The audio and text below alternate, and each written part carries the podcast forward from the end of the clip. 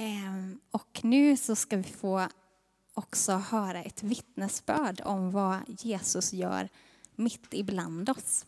Ehm, så vi ska välkomna fram Emil som ska få berätta sin historia om vad Jesus har gjort i hans liv.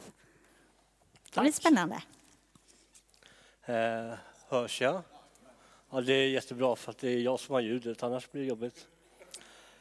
Eh, jag vittnade i onsdags på vittnesbördskvällen eh, och eh, ska även få förmånen att vittna för er idag också. Eh, jag har inte riktigt övat in det här men så jag kommer läsa till mycket. Men jag tänkte inleda lite med vad som egentligen är ett vittnesbörd. Själva tanken är inte att jag ska stå här och prata om mig själv en halvtimme, 40 minuter. För jag älskar att prata med mig själv, så det är bara så. Utan själva tanken är snarare att jag under berättelsens gång, berättar om mig själv, ska komma fram till den situation eller punkten i mitt liv där Gud grep in och tog över och där min totala omvändelse skedde. Mitt vittnesbörd idag kommer att handla om eh, hur jag vände, först vände mig bort från Gud. Eh, samtidigt som jag alltid hade honom med mig. Samt den situationen där Gud faktiskt grep in och räddade mitt liv på så många mer sätt än vad jag då såg. Förra året när jag fick vittna på vittnesbördskvällen så vittnade jag om eh, hur Gud helade min rygg vid 19 års ålder efter jag varit med om en svår snowboardolycka när jag var 16. Och hur hela mitt liv då förändrades och hur jag då började följa Gud och även började gå dit han ville att jag skulle gå. Men eh, sagan tar inte slut där. Jag har under halva mitt liv levt som missbrukare. Första åren med cannabis som huvuddrog, men sen också med amfetamin som huvuddrog. Jag har sedan 24 års ålder haft ett mycket, mycket tungt missbruk både under de senaste åren både injicerat droger i armar, händer och fötter. Under den tiden har jag också levt mycket som eh, hemlös och som kriminell. Inte för att jag inte har försökt lägga av med drogerna, för det har jag. Jag har eh, perioder på upp till ett år, ett år när jag har försökt sluta. Eh, med hjälp av vård, öppenvård, behandlingshem, referensboende och socialkontakt. Ändå har jag trillat dit igen. Tillbaka till det som jag har eh, kunnat mest och det som jag har mest erfarenhet av. Och det är drogerna. Men jag tänkte också att jag skulle försöka få med Gud i det här. Och han har varit med mig ändå, trots att han missbrukat. Jag har kanske inte alltid följt honom, men han har aldrig lämnat min sida. Och hur ska jag förklara det här? Jo, men Gud har räddat mig ur situationer och från personer som har velat mig riktigt, riktigt illa. Eh, och då kanske jag inte såg det. Eh, det kanske, men, men långt, långt efteråt när jag hunnit reflektera om vad som skulle ha hänt och vad som skulle kunna ha hänt, som jag inser att det, det går inte. Det finns bara en enda förklaring och det är helt enkelt Gud.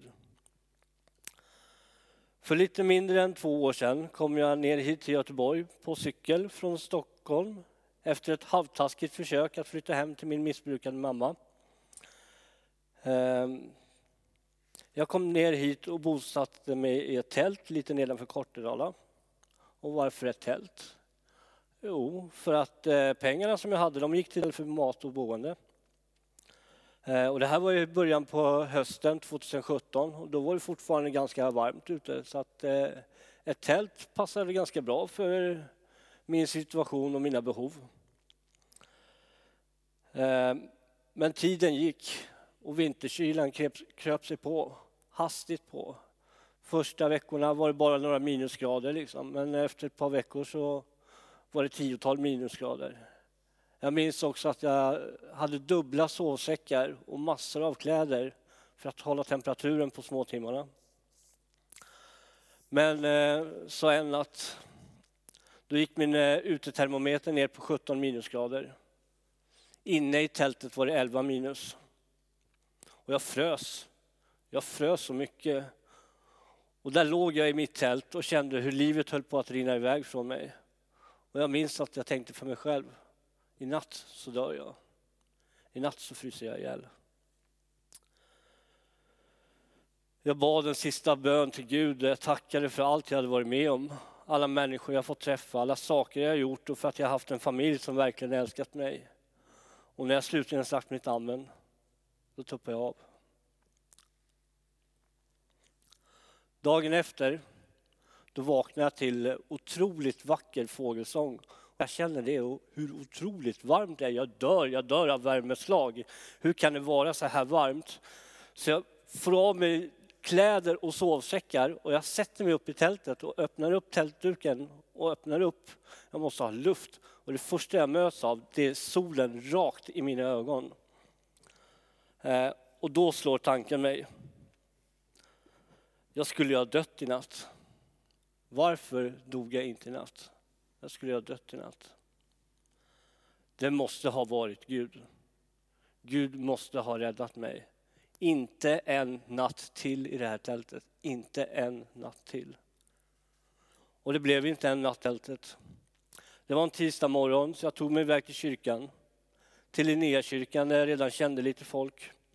Och där fick jag hjälp med att komma i kontakt med socialen och i sin tur med Betelskeppet. Samma dag flyttade jag också in på Betelskeppet.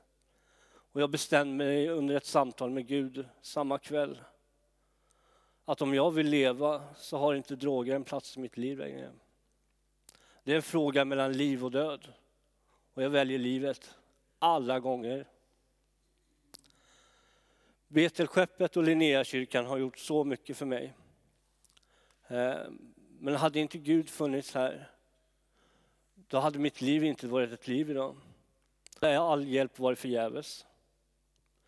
Men Gud räddade mig igen och igen och igen.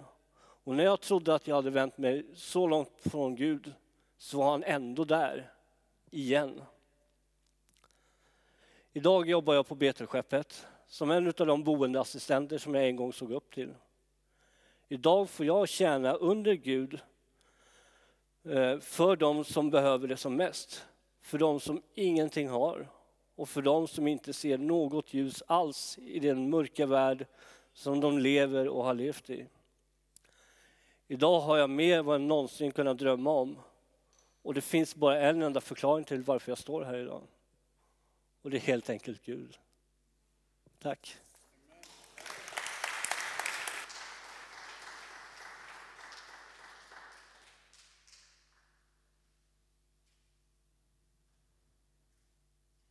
Och tack Emil, vilket fantastiskt vittnesbörd.